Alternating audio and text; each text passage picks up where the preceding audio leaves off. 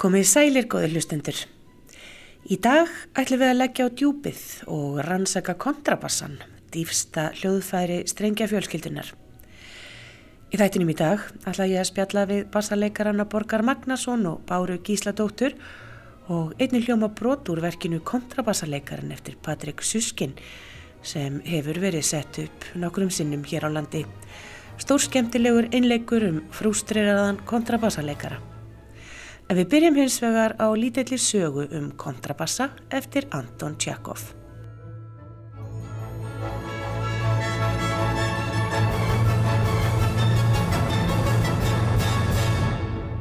Hljóðfæraleikarin Smitskov var á leið frá borginni til sveitabústaðar Bíbúlofs greifa. Þar átti að halda veistlu um kvöldið með hljóðfæraslætti og dansi í tilefni trúlofunar. Hann bar á bakinu geysistóran kontrabassa í leðurhylki. Smitskov gekk eftir bakka fljótsnokkurs, Kallt vatnið strymdi fram, svo dásamlega fallega ef ekki beinlinni skáldlega. Kanski ætti ég að baða mig, hugsaðan. Hann afklætti sig og rendi sér út í kaldan strömin. Kvöldið var indislega fagurt og henni skáldlegu Sál Smítskovs var fróun af umhverfinu. Yfir hann kom einnkennileg ánægu tilfinning þegar hann sá, eftir að hafa synt hundrað fett, að fögur mær satt á bröttum bakkanum og rendi til fiskjar. Hann hjælt nýður í sér andanum og við lá að hjartað hætti að bærast í brjósti hans. Það var auðvelt að sjá að hún var sofandi og hann varð, gegn vilja sínum, skindilega gripin ákafri ást í brjósti sér. Langa hríð stóðan og ætlaði að gleipa hana með augunum. Vertu sæl blessaða vitrun, hugsaðan og andvarpaði.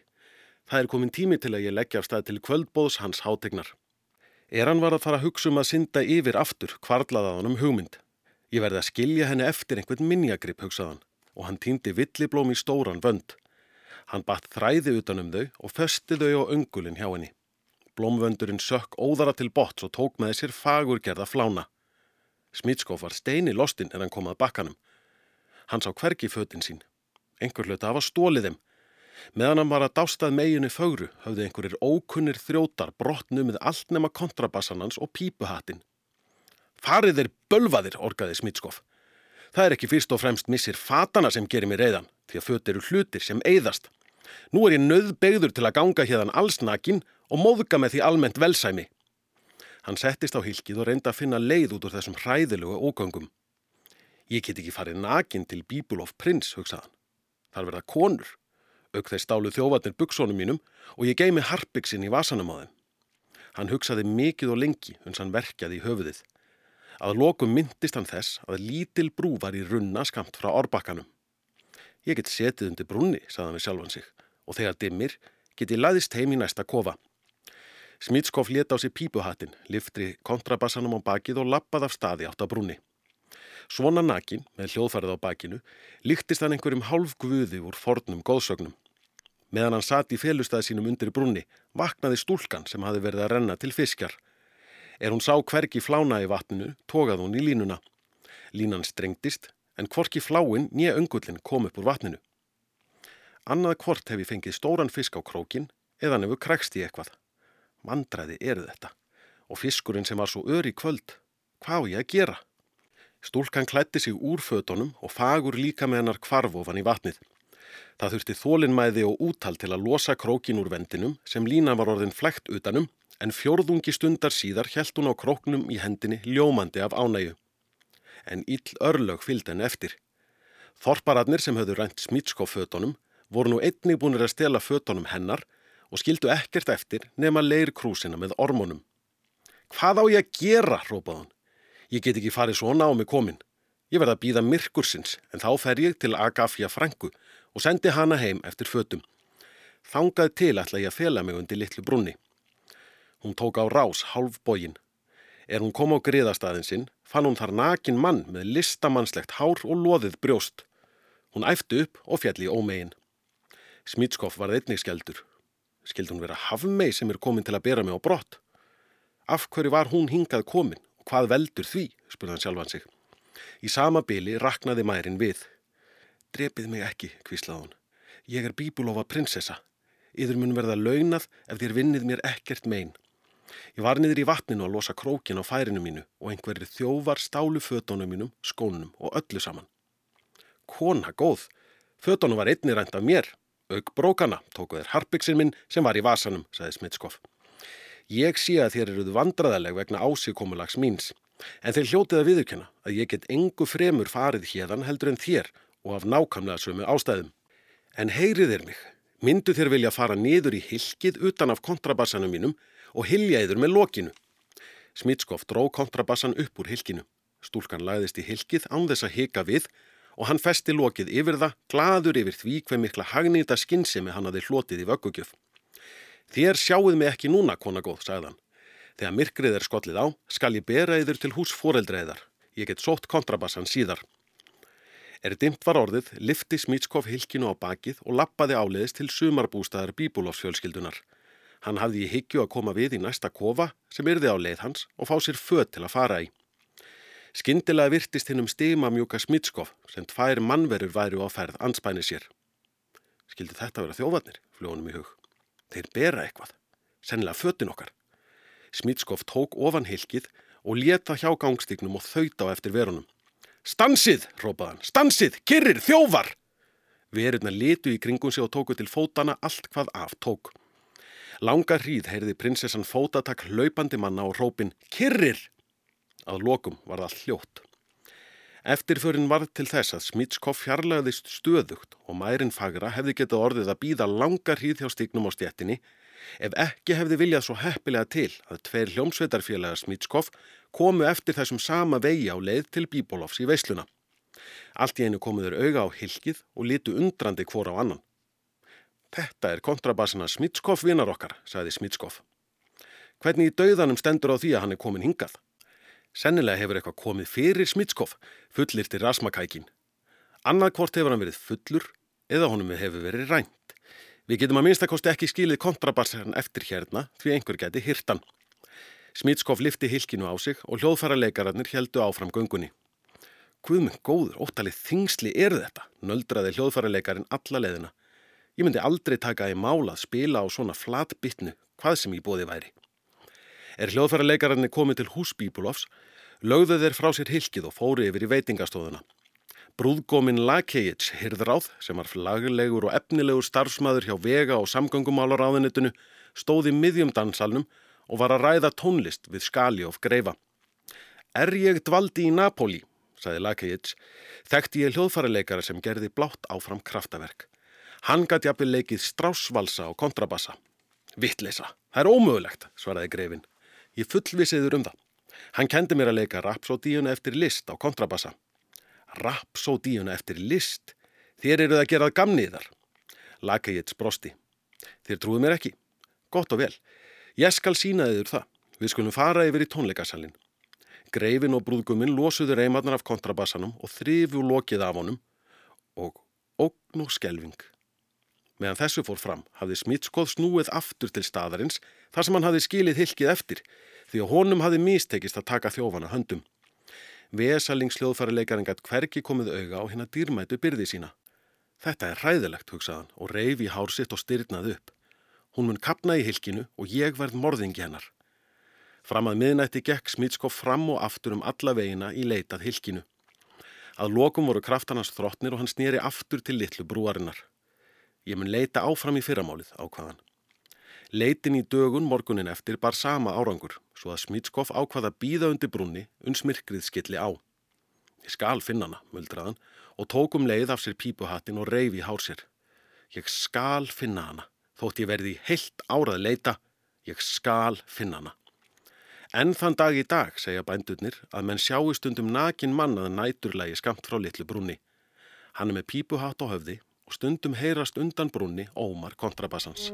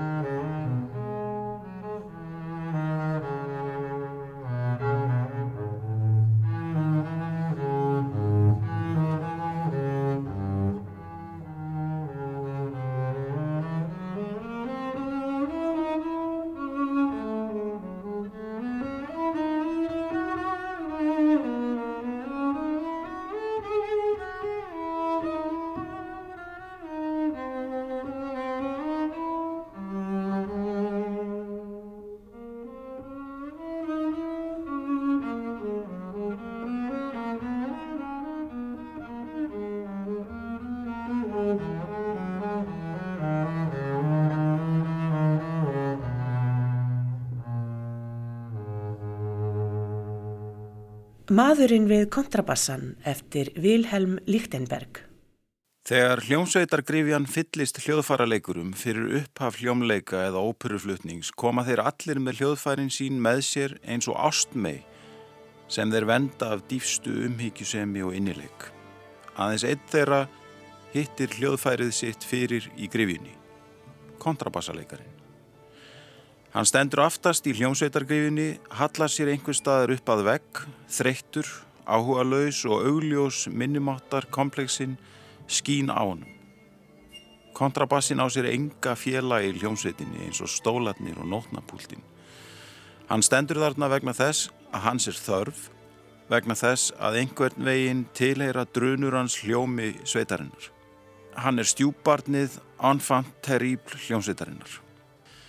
Allir koma þeir sem sagt hver á fætur öðrum, fiðluleikarar, óbóleikarar, flautuleikarar, hornleikarar, Selloleikarar færa hljóðfærin sín úr vendandi umbúðum.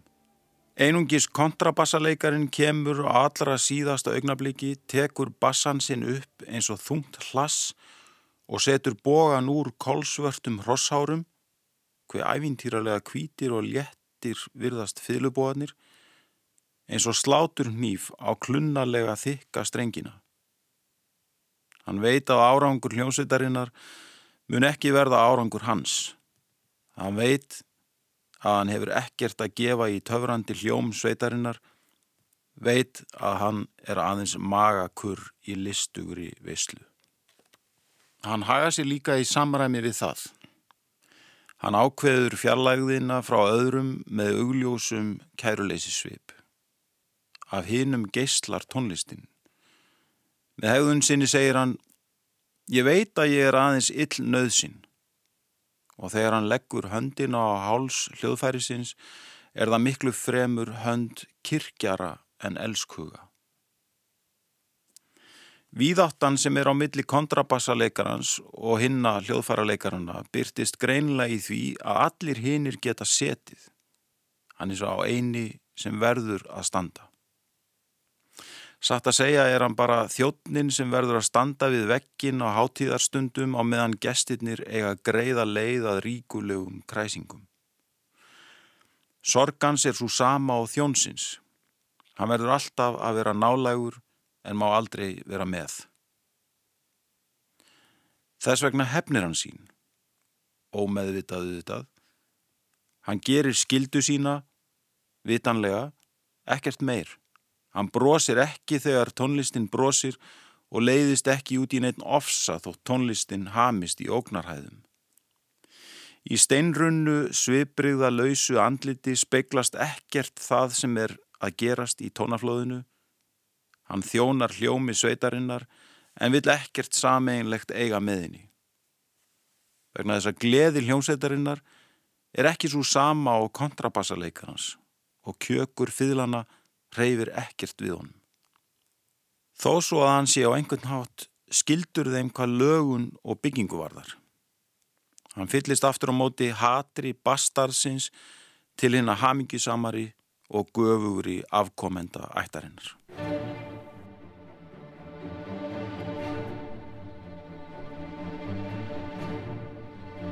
Forleikurinn að Valkyrjónum eins og þegar kvíti hákarlinn kemur kontrabassi og cello unisono. Við spilum kannski 50% nótnanna. Þetta.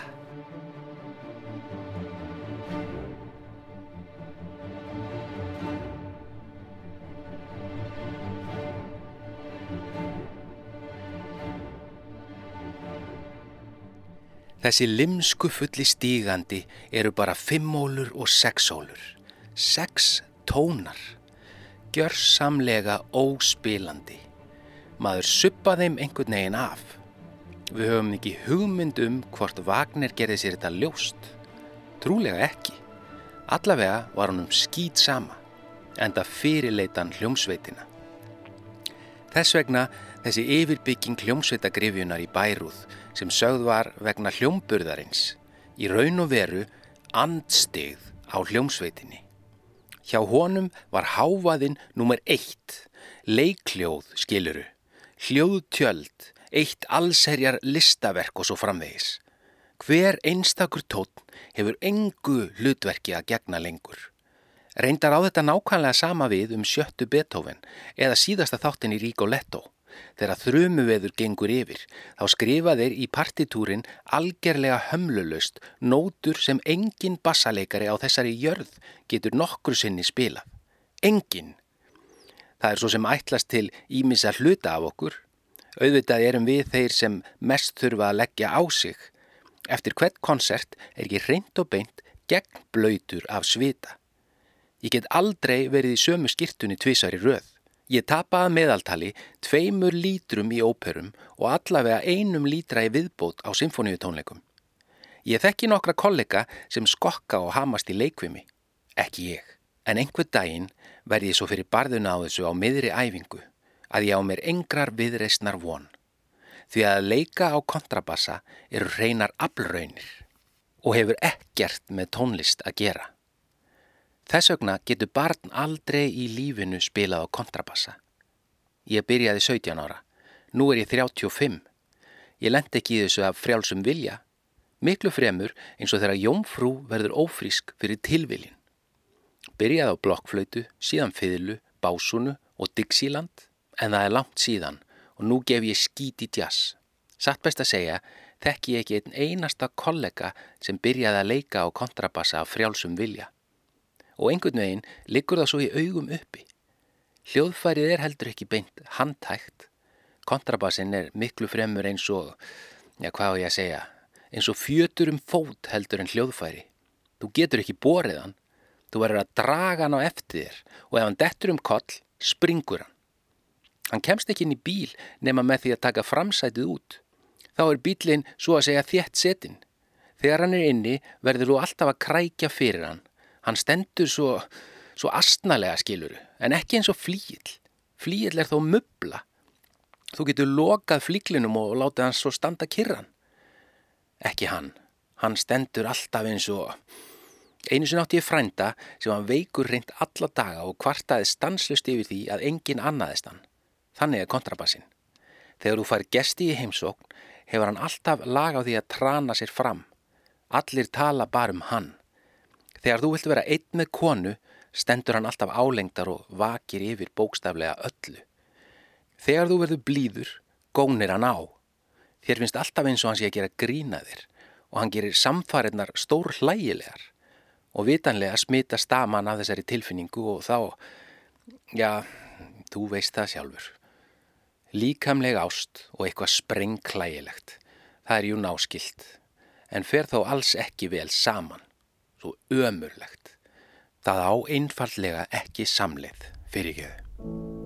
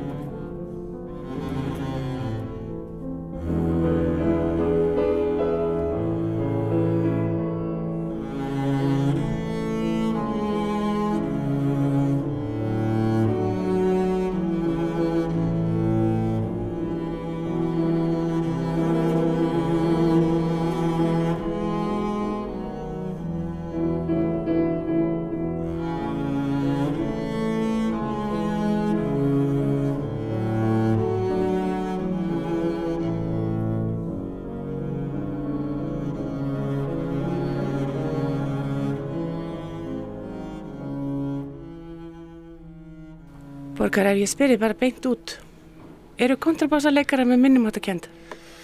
Uh, ég held að hérna eru hljóðfærarleikari allir ekki svona svolítið komplexeraðir hvað það var þar. Uh, nei, nei, ekkert, ekkert umfram aðrar stjættir innan tónlistarinnar. En það verður nú samt að segjast að þegar að kontrabassin ætlar að spila kannski svona klassist solo eða romantísk solo, röttin hans er svolítið einmanna. Já, en ég held, ég held sko hlutverk kontrabassans í, í tónlist er kallar á svolítið hérna uh, þú ert svona maðurinn bak við tjöldin svolítið sko. Þannig að þú fer ekki klappið endilega. Þú ert náttúrulega bara, þú ert þannig grunnurinn. Grunnurinn, já og sko brúin á milli veist kannski aðalatrið vera að hlutar kontrabassans í öllum tónlistastefnum er í rauninni sko brúin á milli sagt, þessa rytmíska sem að frakkar kalla batterís og, og þess melodiska þannig að, þannig að hlutverkið er alltaf uh, til háls uh, rytmíst og til háls hérna, melodist mm. En svo verður nú bara að segjast að kontrabassarleikarar eru stundu svolítið töff. stundum, stundum ekki. Nú góðum degi. Á góðum degi. Þeir eru svona, já þeir eru svona svolítið töffararnir í ljómsettinni, er það ekki? Já, ég áttum ekki að því. En hvað, hvað hérna, hvað var til þess að þig langaði að spila á kontrabassa? Uh, ég held að það hefur verið þetta, þetta hlutverk sem að hérna, mér finnst alveg stórkoslegt að, hérna, að vera þessi svona kjarni einhvern veginn í öllum verkum mm. og þá skiptir ekki máli í hvaða hérna, hvort að það er klassísk tónlist eða, eða funk eða, eða hérna, black metal að það er alltaf ein, einhver svona kjarni í það sem að þú tengir saman uh, hljómfræðina og, og, og tónmálið og driftkraftin og púlsinn og hérna og mér finnst bara, þetta er indislegt hlutverk þarna á milli. En síndi mér aðeins hérna hvers hann er megnuður þetta, þetta glæsilega stóra hljóðfari þetta er svolítið svona líkamlegt að, að spila á þetta. Já um, prófum okkar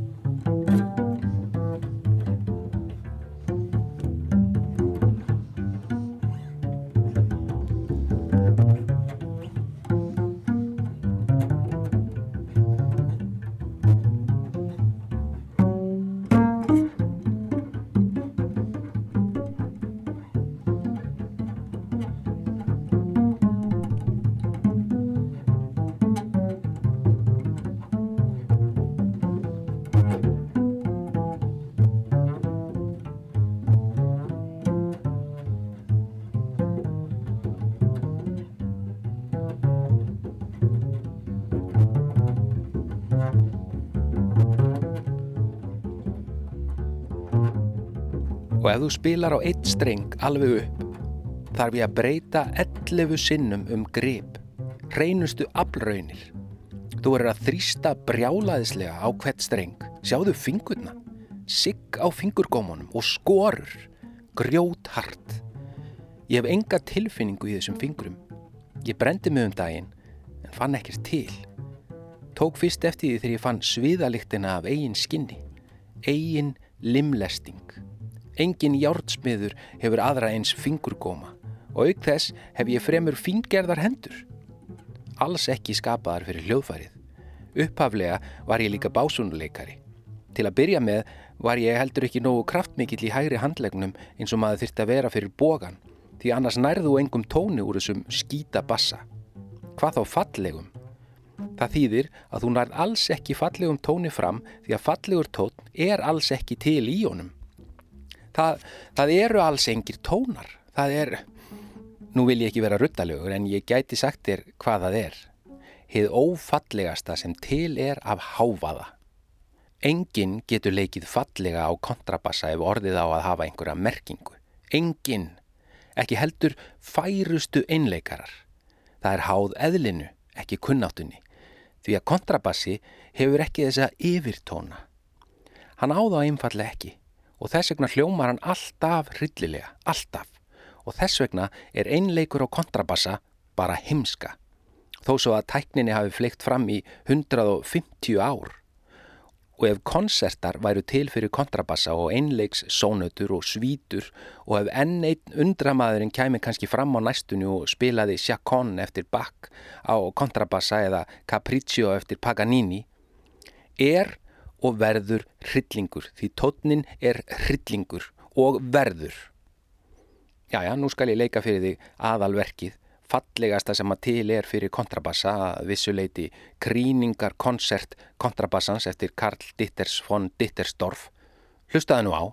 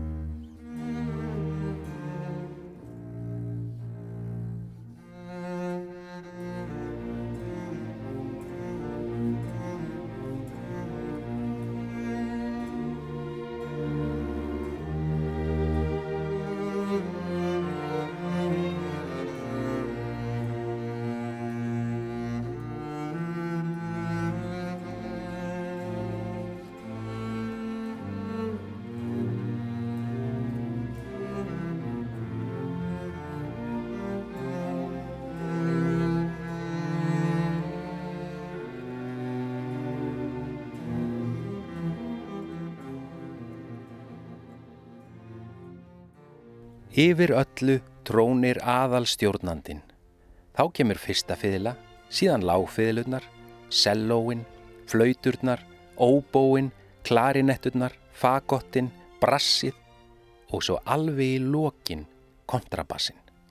Aftan við okkur bara pákurnar, en einungis fræðilega því pákan er ein og sér og á upphækkuðum palli svo allir sjá hana. Þar að ekki er hún enn fyrirferða meiri. Þegar pákan kemst á annar borð að, þá heyri það hver maður aftur á aftasta bekk og allir segja, aha, pákan.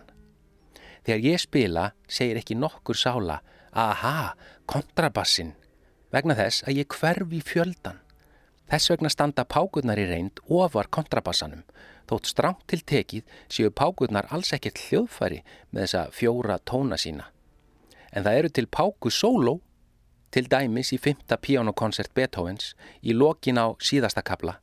Þá horfa allir sem ekki horfa á píjánoleikaran á pákuna og í stærri húsum er það vel 12 til 1500 áhöröndur og það oft. Á heilu starfsári horfa ekki svo margir á mig.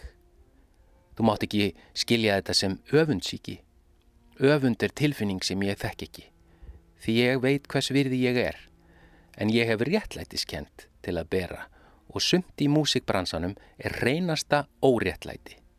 Einleikarin er oflaðinn þakklæti áhærenda.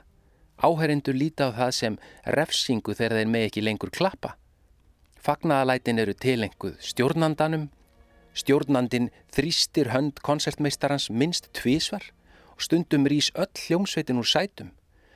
Sem kontrabassaleikari getur maður ekki eins og staðið almennilega á fætur. Sem kontrabassaleikari ertu hvernig sem á því er litið, fyrir ekki að orðavalið, alger skítarúa.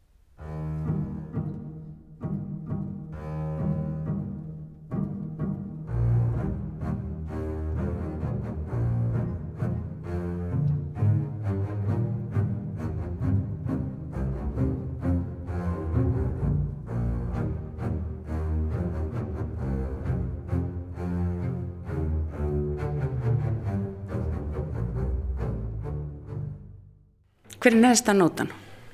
Uh, Neðsta nótan er, er hérna djúpa E. Og efsta?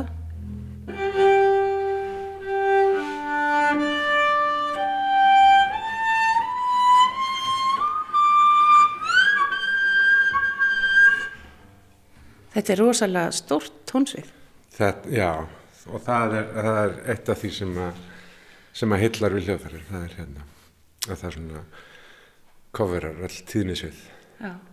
En ég var að segja sko þetta er, þetta er svolítið svona, þetta er stórt og mikið hljóðfæri en þú ert náttúrulega hávaksinn og um, kannski passar vel við, við en þetta er samt svolítið svona líkamlegt hljóðfæri. Já, samt, samt er hérna held ég sko allir mínir uppáhalds bassalegarir í sögun eru pínlillir. Og svo er til eitthvað sem heitir Octabass, Octabass.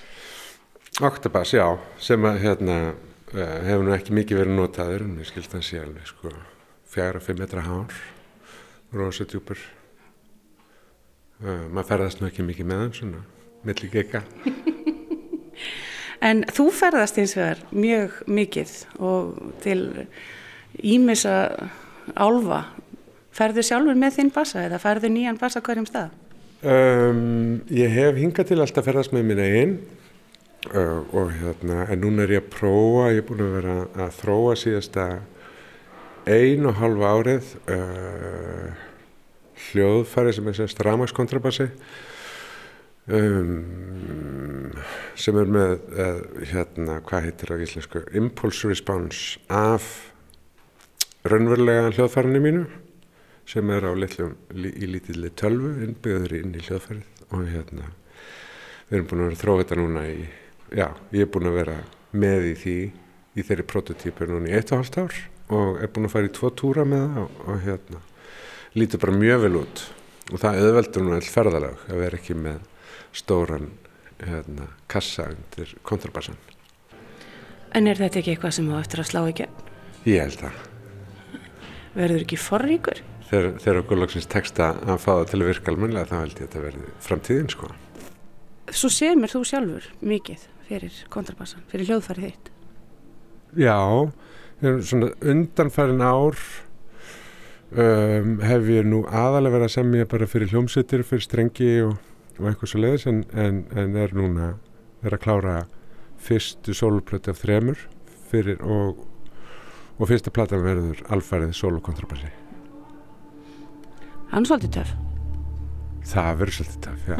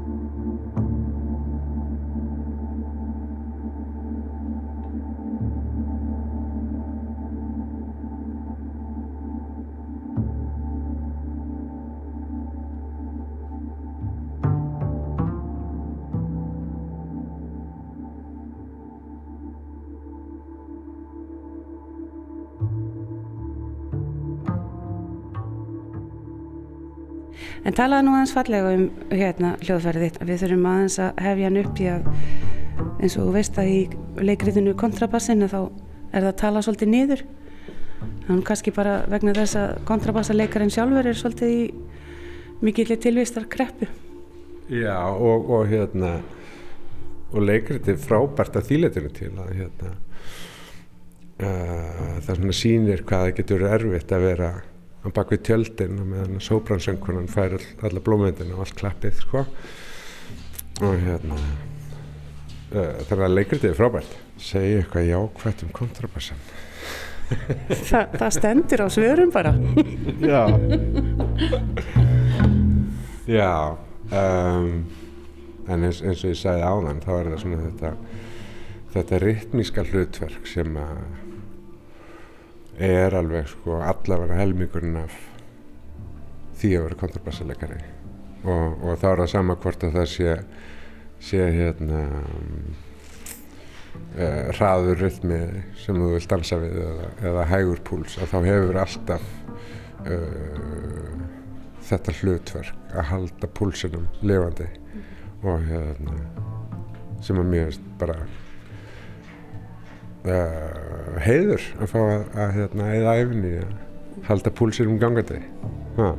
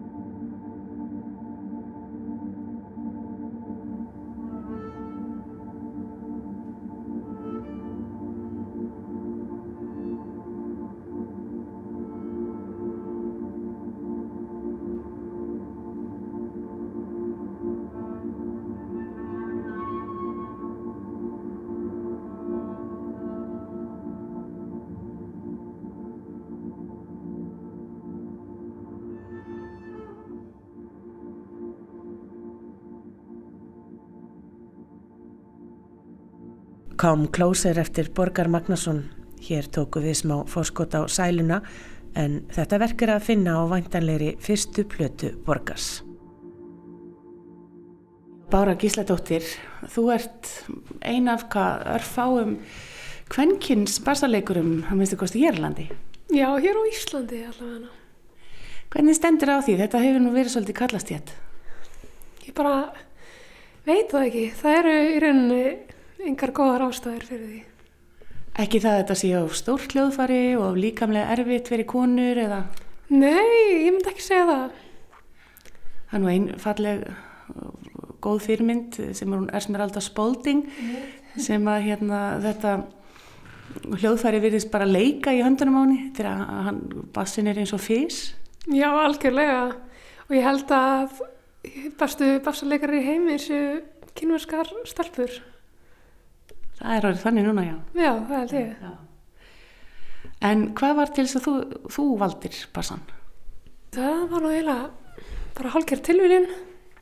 Ég var alltaf fyrirleikari og fekk síðan nóga því þegar ég var úlingur og um, svo fór ég skiptinam til Nýjarslands ég var í mentarskóla og þar var kontrabassi í skólastofunni sem enginn spilaði á og það vantaði bassaleikara í skólaljómsutina þannig ég ákvað bara að slá til þetta hafði alltaf verið svona ákveðin draumur en ég hefði einhvern veginn ekkert hugsað meira út í það finn ég kom þanga mm. og, og hvernig gengur þessi umskipti? Bara fyrðu vel þetta er náttúrulega, eða margt svipað náttúrulega bara millir strengjalega þarna og svo bara var ekki aftur snúið Hvað er það sem heillar þið svona við þetta hljóðfari? Er fyrst og fremst uh, náttúrulega registrið. Sem er mjög stórt. Já, mjög stórt og, og náttúrulega býr yfir mikilvægt dýft líka. Uh, og svo uh, og svo yfir tónanir allir sem eru bara mjög fjölbreyttir og, og, og sko mun já, sp spanna yfir mun meira svið en, en restur af strengja hljóðverðunum til dæmis. Nú ertu sjálf tónskáld, hefur þú eitthvað svona einbettir af einmitt þessu, þessu hljóðfari? Já, ég hef gert það svo litið, það náttúrulega hérna, hefur komið sér vel og um, ég bæ, hef bæði samið fyrir, mikið fyrir bassa í svona litlum kamergrúpum og svo leiðis en líka helling af, af sólóstykkjum og, og þá hef ég kannski fyrst og fremst samiði fyrir mig sjálfa. Velst ákveð, já, veljast ákveðnir karakterar til þess að spila á bassa? Getur þið séð eitthvað svona sameigilegt með þeim bassaleikurum sem þú þekkir? Já, það er kannski, það er kannski eitthvað. Það er erfitt að alhæfa um alla stjættina en svona þeir sem, sem ég þekki eru svona kannski svolítið afslappar týpur og já, taka, taka hlutunum bara með ró. Ekki svona hátt skrúaðir eins og kannski efri strengirnir. Maður þú eru ekki að tjása um það, sko. en í, til dæmis í, í þessu leikriti bassaleikarin eftir Patrik Suskin sem við hefum nú heyrt uh, nokkra búta úr hér í dag um, hann talar hljóðfæri svolítið niður og um, hann talar um það að þetta standa svona í skugganum og um, vera ekki, hvað maður segir, aðal að uh, það bendi til svona ákveðins uh, karakterenginis og líka það að það geti verið áskaplega frústrirandi að fá ekki alltaf klapið. Já, ymmið, það er enna áhugavert sjónarhort. Mér finnst þetta að náttúrulega vera svona það besta og líka hérna í mann þegar ég byrjaði að spila þá er ég með mjög mikinn sviðskrekk og fannst æðislegt að vera með svona stórt hljóðfæri sem maður gæti bara að fæla sig á bakvið bókstala um, en en mér finnst hérna, ég myndi ekki hafa áhuga og þess vegna fannst mér líka oft svolítið leðilegt að spila fylgu því mér fannst leðilegt að spila laglínur eða vera með aðal línu eða eitthvað svolítið eða sem fólk leit á sem aðal línur, mér finnst miklu áhuga að verða að uh, já, allt sem er þar undir einhvern veginn og í kring Að vera með botnin og, og, og bassan Já, mm. algjörlega Serðu núna eins og breytingu á því að eru fleiri stelpur hérna á Íslandi? Hva, hvað er þið margar sem eru hér? Er tvær bara eða hvað? Nei, ég held að við séum alveg fleiri en hérna, já ég hef séð, ég hef náttúrulega ekki búið hérna í nokkur árin en þegar ég vera, þegar ég farið á tónleika með einhverjum svona ungsveitum og, og svoleiðis þá sé ég að það eru einhverjar stelpur mm -hmm. sem er bara frábært, það er frábært að sjá að það sé að bætast í hópin. Mm -hmm.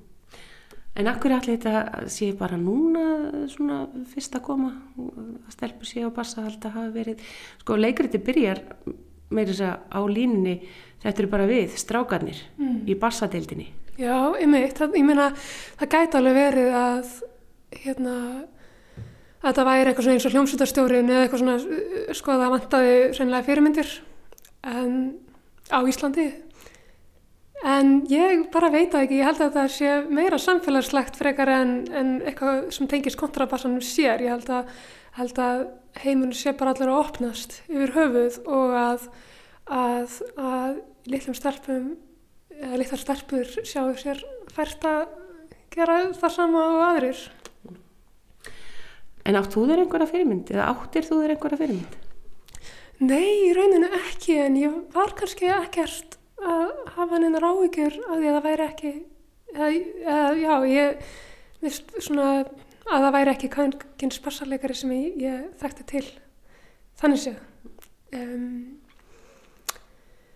en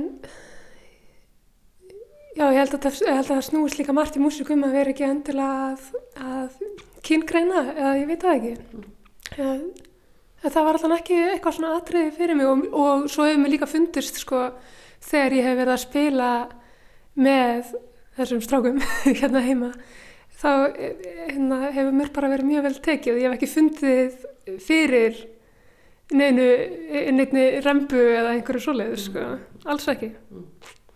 En hvernig er líf þitt núna? Er þetta svona 50-50? Er þetta til háls bassarleikar og til háls tónskáld eða hvernig, hvernig snýr þetta? Já, það mætti kannski segja það. það hérna, ég, ég er alltaf að spila meira og meira allavega. Og er það alls konar músik, klassísk, eða er þetta meira að hugsa að svona samtíma tónlist? Já, ég er aðalega að spila nýja músík og það er það sem mér finnst langt skemmtilegast. En svo þegar ég er að spila eins og með elju kammersveit og svo leiðis þá erum við að spila bara alls konar repertoar Þannig að, að þetta er svona í raun og veru sem bassalegari þetta er stórt svið og svo er náttúrulega jazzinn og, og allt saman sem að þú getur valið um. Já, algjörlega. Ágættur hlustendur, það er hún Esmeralda Spalding, söngkona og bassalegari sem líkur þættinum í dag. Margir hafa nú öruglega séð vídeoið af henni flytja þetta lag fyrir Obama hjónin og gesti fyrir nokkrum árum. En ég hveð ykkur í dag, þanga til næst hafið það sem allra best. Virtuoso, Esperanza Spalding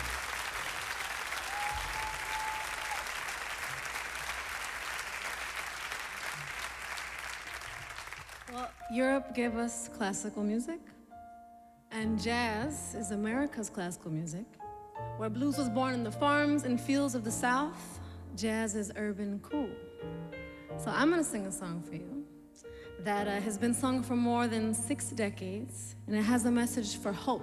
Originally, this was sung during the Great Depression when the end was not in sight. So I hope you enjoy, and I hope you try living on the sunny side of the street. I used to walk in the shade with my blues on parade. But I'm not afraid, it's over, passing right over. Grab your head and grab your coat,